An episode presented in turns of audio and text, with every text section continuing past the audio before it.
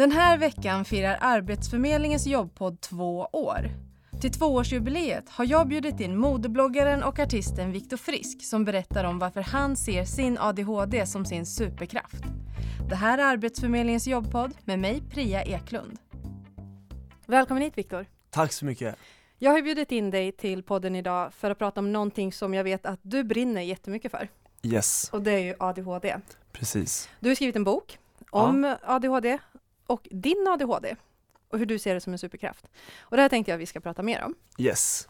Men först så vill jag, alltså rent generellt ADHD, mm. det finns ju väldigt, väldigt mycket fördomar kring det. Det finns det. Um, och jag vet att jag har haft en del fördomar innan jag lärde mig mer. Och det tänkte jag att vi ska prata lite grann om i alla fall. Mm. Vilka fördomar finns det? Jag tror att de största fördomarna om just ADHD, det är liksom så att vi ska vara de jobbigaste i klassen, eh, att man liksom inte kan saker. Och att, eh, framförallt att det finns många fördomar som säger att, att alla människor som har ADHD, att det skulle vara någonting negativt. Och, och, i många fall kanske det stämmer, men man får också försöka belysa de här positiva delarna med att faktiskt ha en diagnos. Vilket jag gör eh, när jag är ute och föreläser och pratar om just det här. Att bemöta det på det sättet att det finns åtgärder att ta och det finns hjälpmedel att få. Och sen måste man hela tiden se, hur fungerar jag bäst med min ADHD? Medicin i vissa fall är ju så bra för vissa individer, men det där är ju väldigt individuellt. Jo, där är väl, jag tänker där är ju med ADHD överlag, att alla är ju inte på samma sätt Precis. med sin ADHD. Och det är också ganska viktigt att förstå att man kan inte bara säga att ja, men den här har ADHD och då funkar den på det här sättet. Mm. Utan alla funkar olika. Alla funkar olika och det är så här, jag känner att vi människor blir ofta insatta i det här hjulet som, som bara snurrar runt, runt, runt och sen att alla skulle vara likadana det finns ju en anledning till att vissa klarar av att bli backhoppare och andra klarar av att göra någonting helt annat. Det är så här, vi alla lär oss i olika tempo och vi alla är olika människor. Ingen är densamma. Och, och det är så viktigt att förstå att vi alla är lika mycket värda ändå. Vi pratar alltid om människors lika värde. Mm. Men ibland känner jag att, ungefär till exempel med ADHD, att, ibland känns det som att vi blir bedömda på ett helt annat sätt. Vi blir stämplade för att vi skulle ha en diagnos. Mm. Men, men det behöver inte betyda att det skulle vara någonting någonting negativt. Man måste ju hela tiden se på de aspekterna och kunna se utifrån sig själv. Jag har ju valt att se min ADHD på ett positivt sätt nu, i mm. senare ålder. Däremot när jag var ung så kände jag att det var ett problem, ett hinder, att många såg mig som det här problembarnet, eh, någon som blev satt i ett, ett, klassrum, eller blev utkastad från mm. klassrummet, som ständigt var ett problem egentligen. Människor såg inte mig som liksom eh, någon som gjorde någonting positivt. Och det är så här, när man matar yngre människor framförallt med att bara göra negativa saker, mm.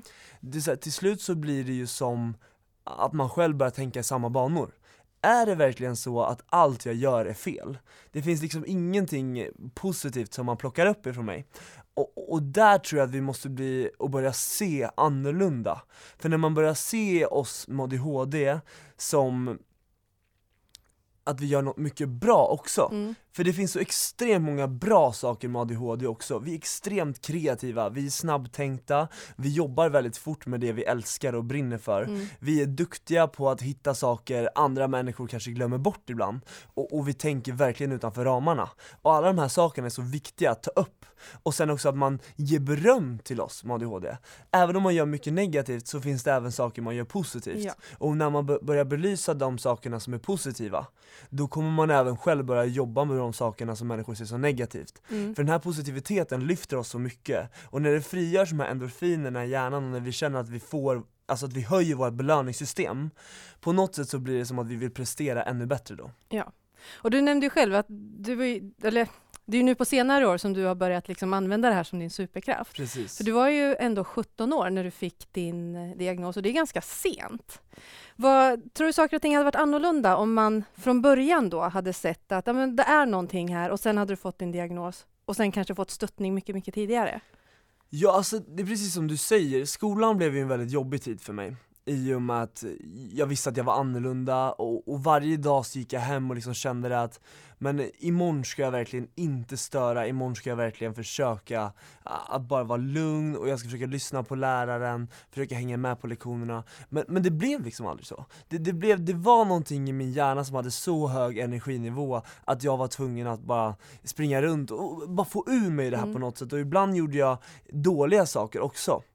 Eh, och sen måste jag säga det, i och med att jag fick min diagnos så sent så tror jag att saker hade varit väldigt annorlunda om en diagnos hade kommit tidigare. Mm. Men vi gjorde ju en utredning där i 11 års ålder någonstans och då åkte vi in, jag och min mamma, till eh, barn och ungdomspsykiatrin. Eh, och fick egentligen rådet när man hade suttit i typ en vecka och gjort så här tester och bara Ja men ditt barn har lite livlig fantasi men eh, det är inte mer mm. än så. Det, det, är liksom så här, det är så barn är idag. Mm. Och mamma liksom tog det ju liksom som nästan lite en käftsmäll i och med att hon hade trott att hon skulle få med sig mer information därifrån. Mm. Men sen när du fick diagnosen, för det, det vet jag att eh, du skriver i boken, att, att läkaren sa att det står ju ADHD i pannan på dig. Ja. Kändes det liksom direkt som att alla pusselbitar föll på plats? Så att jaha, det, är det det? Eller var det liksom, var det mer så här, ja, va? Nej, inte jag? alla pusselbitar föll på plats redan när han sa det där ordet, det såg jag ADHD tatuerat i pannan på dig Kändes det som en lättnad? Det kändes som en lättnad för, på något sätt för att jag förstod att man kan absolut inte skylla allting på ADHD, det kan man inte Men jag vet att så mycket smärta och sorg, eh, och så många stunder där jag har gjort andra människor ledsna och vet det, gjort saker som jag egentligen inte har menat, mm. skulle ha besparats om liksom det här hade kommit fram tidigare men just det här med att få en diagnos så sent men samtidigt att till slut få den var ju på något sätt en lättnad, för då visste jag nu vet jag exakt varför jag varit annorlunda och nu kan mm. jag börja jobba med det här. Mm. Men tog det lång tid, eh, men så här, man får ju ändå intrycket av att du älskar din ADHD idag. Det, det, vet, alltså det skriver du i boken med, att du älskar din ADHD. Men tog det lång tid? Var det sen när läkaren bara, du har ADHD, du bara, japp, I love it. Eller fick, har du fått jobba mycket med det? Eh, alltså ADHD är en så här hatkärlek, mm. än idag.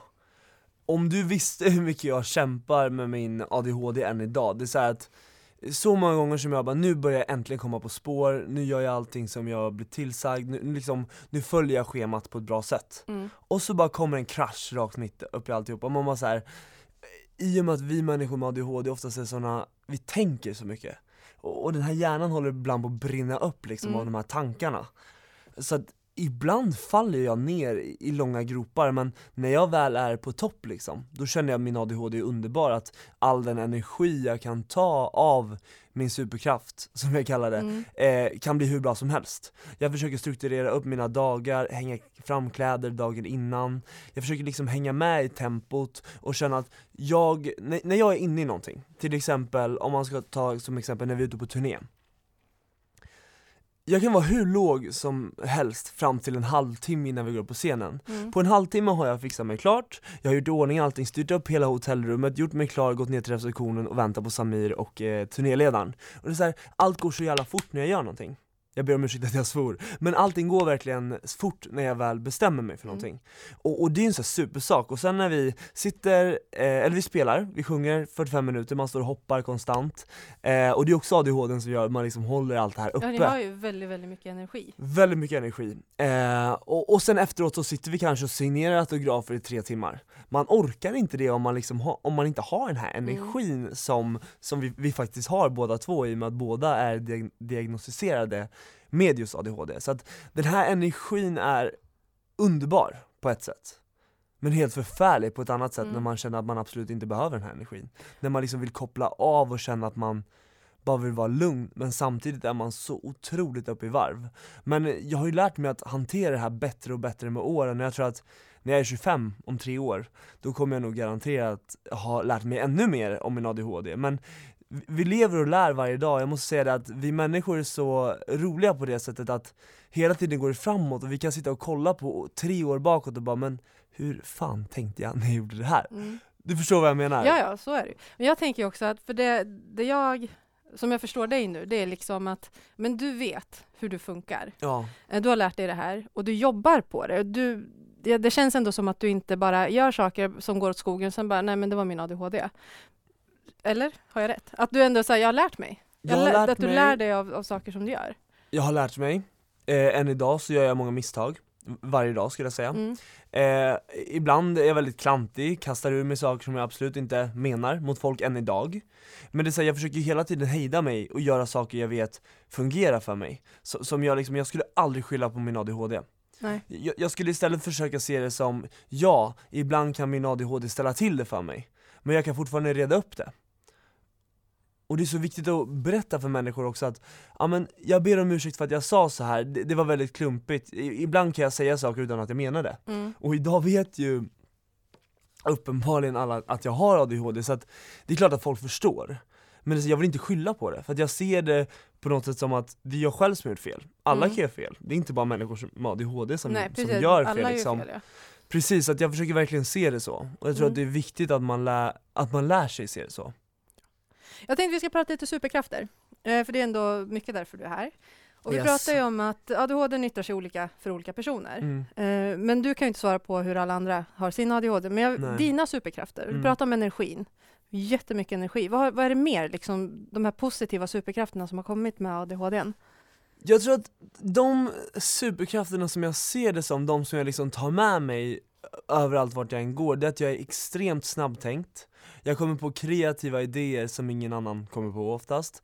Eh, Kan du berätta något exempel? Ja, men alltså hela konceptet egentligen med eh, Samir och Viktor var ju liksom, det kom ju från en idé med tröjor. Mm. Där jag satt 24 december 2013 och bara Shit men vi gör det här! Och Samir bara ah, fan vad kul, det är klart vi ska göra det. Mm. Och sen liksom så här, att man kommer på så spontana idéer. Jag sitter till exempel på Mindmakers där jag jobbar och är med i möten och kastar fram idé på idé på idé som jag känner så här, ja men det här skulle ju funka jättebra i ett PR-sammanhang att bygga en stor kampanj. Man kan bygga det på det här sättet eller man kan göra på ett helt annat sätt. Vi, vi tar in en, vi, tar in den här personen och, och så gör vi om hela konceptet och gör det så här. Mm. Och ibland kan folk bara säga men det här är ju briljant, sen bara så här, nej men det där är ingen bra idé. Men liksom att man så här snabbtänkt, det går fort, man gör saker i i ganska snabbt tempo, man, man försöker, alltså superkraften i sig är väl just den här energin. Mm. Och energin i sig tar fram så mycket positiva egenskaper som jag har. Så- det är en av superkrafterna. Det, jag, bara känner, jag, bara, jag känner ju energin här, liksom. jag blir så här också, jag, man dras ju med. Ja, Så jag tänker också på de här mötena när, när du sitter och har här idéerna, att man verkligen dras med i det. jag tror man får energi. Ja. Ehm, di, vad har liksom din drivkraft varit när människor runt omkring dig kanske inte riktigt har trott på dig? Under perioder i livet så känner jag att ingen har trott på mig. Det är till och med så att, i, i, inte mina föräldrar har inte vänt mig ryggen, men många har vänt mig ryggen och bara så här. Nu är du ute på helt fel bana och bara så här, att man gör fel. När jag började blogga till exempel, då var jag 15, jag kommer ihåg att många vände mig i ryggen då liksom för att jag gjorde någonting eh, helt annorlunda. Eh, men samtidigt så här, att när, när ingen tror på dig, eh, då finns det ju bara en människa som kan tro på dig och det är du själv. Så att jag tror att hela tiden så tror jag fram tills idag i alla fall att jag ofta jobbar med att motbevisa människor. Mm. Att jag kan visst det här. Jag kan visst det här. Och ibland känns det som att än idag är det en revansch. Att jag liksom har kunnat tagit de här stegen till att göra, bygga mitt eget medieimperium och än idag, förmodligen flera år framöver, kan inspirera människor till det som var negativt för mig, till att bli positivt för någon annan Mm. och, och visa människor att vi är aldrig ensamma. Och, och man måste tro på sig själv. Jag trodde på mig själv så pass mycket att jag började gå med näsan rakt upp i vädret och bara jag vet vart jag ska, punkt. Det finns ingen som kan sänka mig nu. Mm. Eh, och, och det har varit min drivkraft. Sen måste jag börja försöka tänka tillbaka idag bara så här. Men nu kanske den här revanschen är klar liksom. Men än så här idag när jag kommer hem till min hemstad där jag har mött så många människor som liksom har gjort mig så illa här inombords, att jag fortfarande känner den där revanschkänslan. Mm. Men idag har jag börjat tappa det där lite och bara känner bara så här. Så kan det ju vara ibland. Mm. Det är många människor som har upplevt samma sak, man kommer från en liten stad, man kastar sig ut i någonting som man inte har en aning om. Ehm, de kanske var osäkra i sig själva och ville försöka impa på någon annan. Alltså jag försöker hela tiden tänka steget längre. Mm. För att jag tror att det är ingen människa som vill vara ond egentligen. Och jag tror inte de vill vara det Det handlar heller. om okunskap, tänker jag, att man inte förstår. Precis, precis som med Någonting, ADHD. som, ja, men någonting annorlunda, då är det så här, ja men som du säger, stökiga killen i klassen fattar ju ingenting. Nej. Ehm, men att istället ta sig tid att förstå. okunskap är oftast det som gör människan väldigt rädd. Mm. Men du skapar ju, det var, det var bloggen, du har hur många följare som helst på Instagram, det är klädmärke, det är Samir och Viktor som eh, är med i Melodifestivalen. Alltså det, har hänt, det har ju hänt väldigt, väldigt mycket.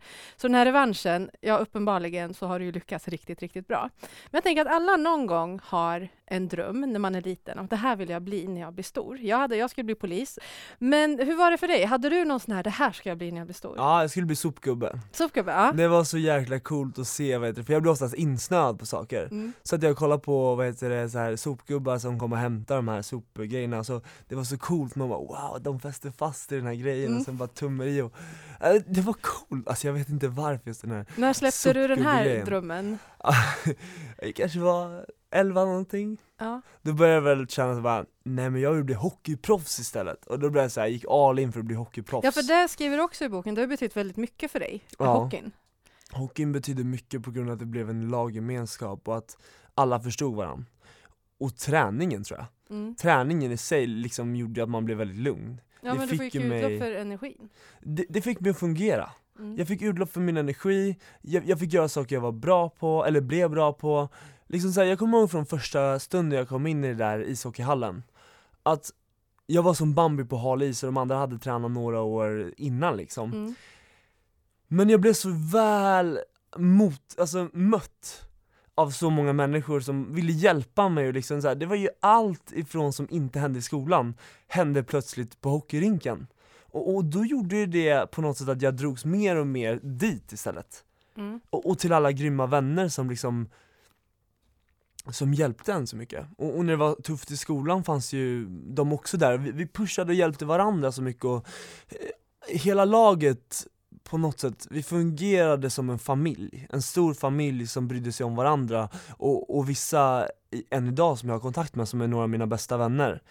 Jag tror att hockeyn har betytt oerhört mycket för mig, min ADHD, mitt utlopp för min energi och att människor förstod mig. För att jag tror att det hade kunnat gått mycket mer illa i livet om jag inte hade valt att ta ett spår som var bra. Mm. Men jag tänker, där måste du också ha fått det här som du pratade om, att du gör någonting bra, att man, man får feedback då ifrån andra, att du gör inte bara fel, utan här är du duktig, här tillhör du någonting, på isen är alla liksom lika. Att få den peppen måste ju ha betytt otroligt mycket då ändå, om du kände att du inte fick det i skolan. Mm. Det blev en sporre till någonting. Mm. Och det är samma sak som när jag fick hem jultidningar första gången. Det är så här, jag har alltid varit lite av en tävlingsmänniska. Alltid. Och jag kommer ihåg, det här skriver jag även om i boken, att jag fick hem mina jultidningar eh, och sen drog jag ut på cykeln direkt och jag kom hem, hade inte sålt ett jäkla skit. Och jag bara såhär, mamma ingen som vill köpa mig. Och var så här galen, låg och sparka och sprattlade i sängen och var såhär, mamma bara Men du måste ha tålamod, energi, det är det det handlar om. Och jag är ju envis, har jag bestämt mig för någonting då måste det bli så på ett eller annat sätt. Så jag började ju lägga upp strategier då att, vad heter det, jag ska åka till närmsta grannstad liksom. Så jag ut på min cykel, sent på kvällen säkert, det hade börjat, börjat bli mörkt, sex på kvällen någonting. Så jag åkte till grannbyn, jag bara men där kan ingen ha sålt, det är liksom rakt in i skogen liksom och sen ännu längre. Så att jag sålde ju för 5500 eller något sånt på en kväll och då, första gången som jag bara motbevisade mig själv att shit jag, jag är bra på någonting Mm. och, och jag kommer ihåg den natten, alltså jag somnade med ett sånt lyckorus att jag hade börjat bli bra på någonting. Så snabbt upp dagen efter, jag tror jag var uppe sju på morgonen innan skolan började liksom, innan bussen kom eh, Och satte mig och började skissa på, idag ska jag åka till den här byn och jag, mamma och pappa kan ta med de här jultidningarna till jobbet Och jag kan åka dit och vi kan försöka sälja på hockeyn, alltså vet, man hittar strategier hela tiden Mm. för att när belöningssystemet fylls vill du bara göra det ännu bättre Precis. Och med ADHD har ju sån energi så att det är så här, det finns inga spärrar, det finns ingen stopp, det är all or nothing, Mm. alltid. Och jag har ju sålt sen upp till högsta premien 4-5 år i rad och fick extremt härliga premier, plus att eh, jag fick eh, ta ut pengar också.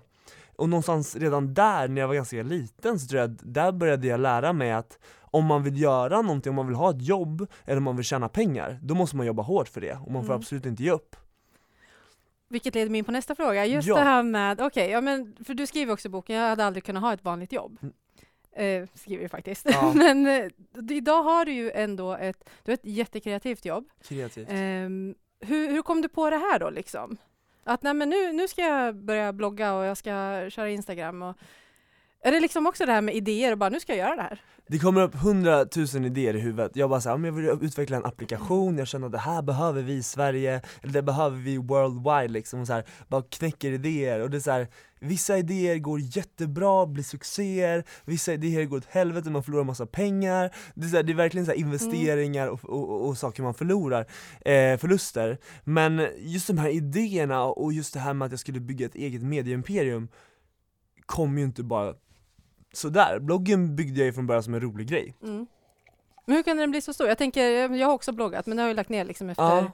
två månader för att jag, jag, jag har inte orkat. Jag tror det handlar om den här envisheten. Ja. Det är jag började blogga om lite manligt mode, skrev om hockey, var ute och fika på stan och så, så här, Det blev ett roligt liv att följa.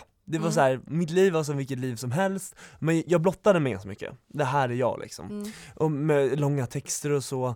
Eh, och jag tror att människor känner igen sig i det, och då blev det så mer och mer följare, lokal-tv började hooka upp, det var så här, det skrevs om det i lokaltidningarna och sen började vi gå på events upp i Stockholm, och när man kommer till Stockholm på något sätt och lär känna andra bloggare och influencersprofiler Det blev ju något sätt, då, där exploderar det ju.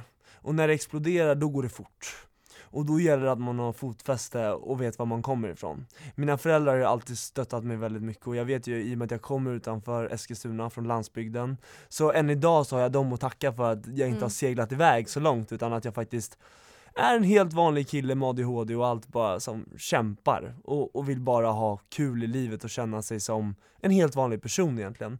Men eh, jag, jag, märkte ju på något sätt att shit, här kan man både tjäna pengar och göra någonting kreativt. Mm. Och det här med att jag inte skulle kunna ha ett vanligt jobb tror jag stämmer dels. Men jag tror att jag skulle funka hur bra som helst i ett vanligt jobbsammanhang också. Eh, Vad skulle du ställa för krav på det jobbet? Jag skulle nog ställa krav på mig själv. Oavsett vad jag gjorde så tror jag att jag skulle känna så att nu måste jag vara kreativ, duktig här också. Nu måste jag känna att jag, om jag börjar någonstans så måste jag bli platschef inom fem månader och göra verkligen mm. bra ifrån mig. Komma först, gå sist, hitta nya strukturer, rutiner, hitta nya lösningar för att vi ska sälja mer, eller att vi ska få in fler kunder. Alltså alla sådana här saker, det, det som jag jag tror att många kanske inte tänker på, men många nöjer sig. Det är så här, sådana grejer älskar jag bara ploppa fram och det, det, är det som gör att jag är en, får fram mycket kreativa saker i min hjärna. Eh, och, och sen älskar jag det kreativa. Det är det också som har gjort att jag började med bloggen, Fortsatte med Instagram och sociala medier. Sen körde vi musiken tillsammans, jag och Samir. Eh, utvecklat det här vidare till att släppa en klädkollektion till hösten. Vi har kört mello tre år i rad, helt mm. sjukt. Mm. Eh, mycket annat kommer under våren. Eh, grejen är nog energin, att vara stött av bra människor runt omkring dig och att du har ett driv, jävlar namma och är envis som tusan. Då lyckas man i princip med vad som det helst. Tror jag. Ja. Det tror jag. Om, eh, det finns ju många ungdomar, jag tänker att du är en förebild för väldigt många. Och eh, det finns ju väldigt många ungdomar idag som går igenom det du gick igenom. Vad har du för råd till dem? De bästa råden är att framförallt hålla huvudet högt och veta exakt vem man är. De människorna som idag ser ner på dig eller de människorna som tycker att du är problem eller de människorna som tycker att på något sätt som sänker ditt eget självförtroende. Det är varken de människorna som kommer betala din lön i framtiden eller vara dina nära vänner inom tio år. Så jag tror man måste tänka mycket så att det är så att ty dig till bra människor som tycker om dig och hela tiden försök hålla huvudet högt för den tiden som är idag kommer inte vara om ett år, eller om tio år, eller om 20 år. Och försök hela tiden hålla huvudet högt, försök studera bra, försök verkligen hålla skolan nära, utbildning är jättemycket. Eh, skolan var väldigt svår för mig, men jag tror att om man verkligen håller fokuset och sen också att man vet vem man är, så tror jag man kan gå väldigt långt. Och sen har man också jag kan tänka mig att många människor har mycket energi, eh, som just har varit som jag. Träna mycket, försök hitta en hobby, för det är väldigt viktigt för att liksom få utlopp för sin energi och eh, engagemang för olika saker. Det kommer också göra att både skolan går bättre och även allt runt omkring. Mm.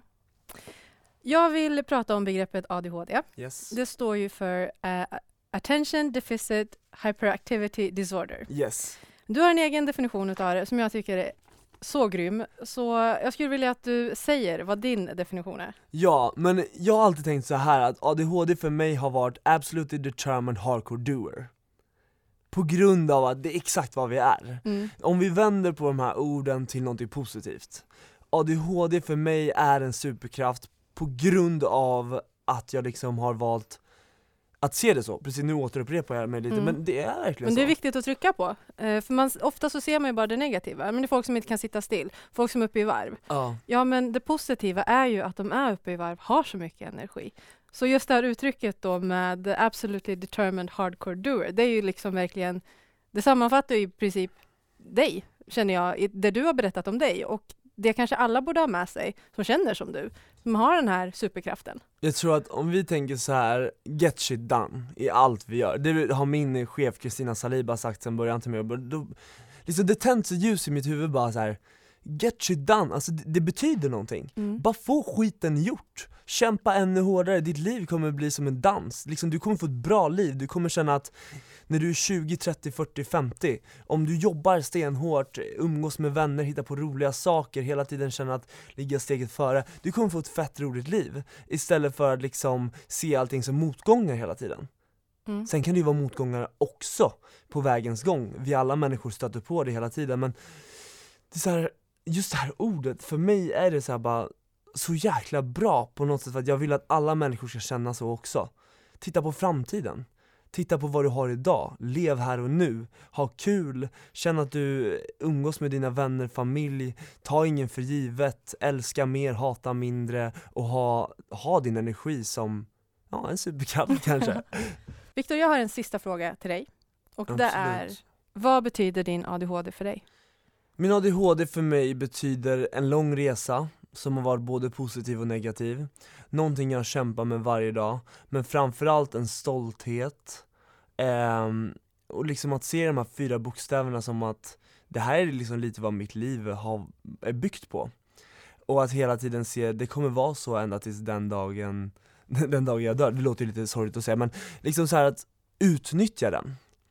Att ta den eh, till fånga, fånga upp den och se hur fungerar jag bäst? Men framförallt en stolthet, självklart. Med de orden så vill jag tacka dig för att du kom hit. Tack så jättemycket. Du har lyssnat på Arbetsförmedlingens jobbpodd med mig Priya Eklund och modebloggaren och artisten Viktor Frisk. Inspelningsansvarig var Mikael Johansson. Nästa vecka är Arbetsförmedlingens jobbpodd tillbaka med ett nytt intressant avsnitt. Missa inte det.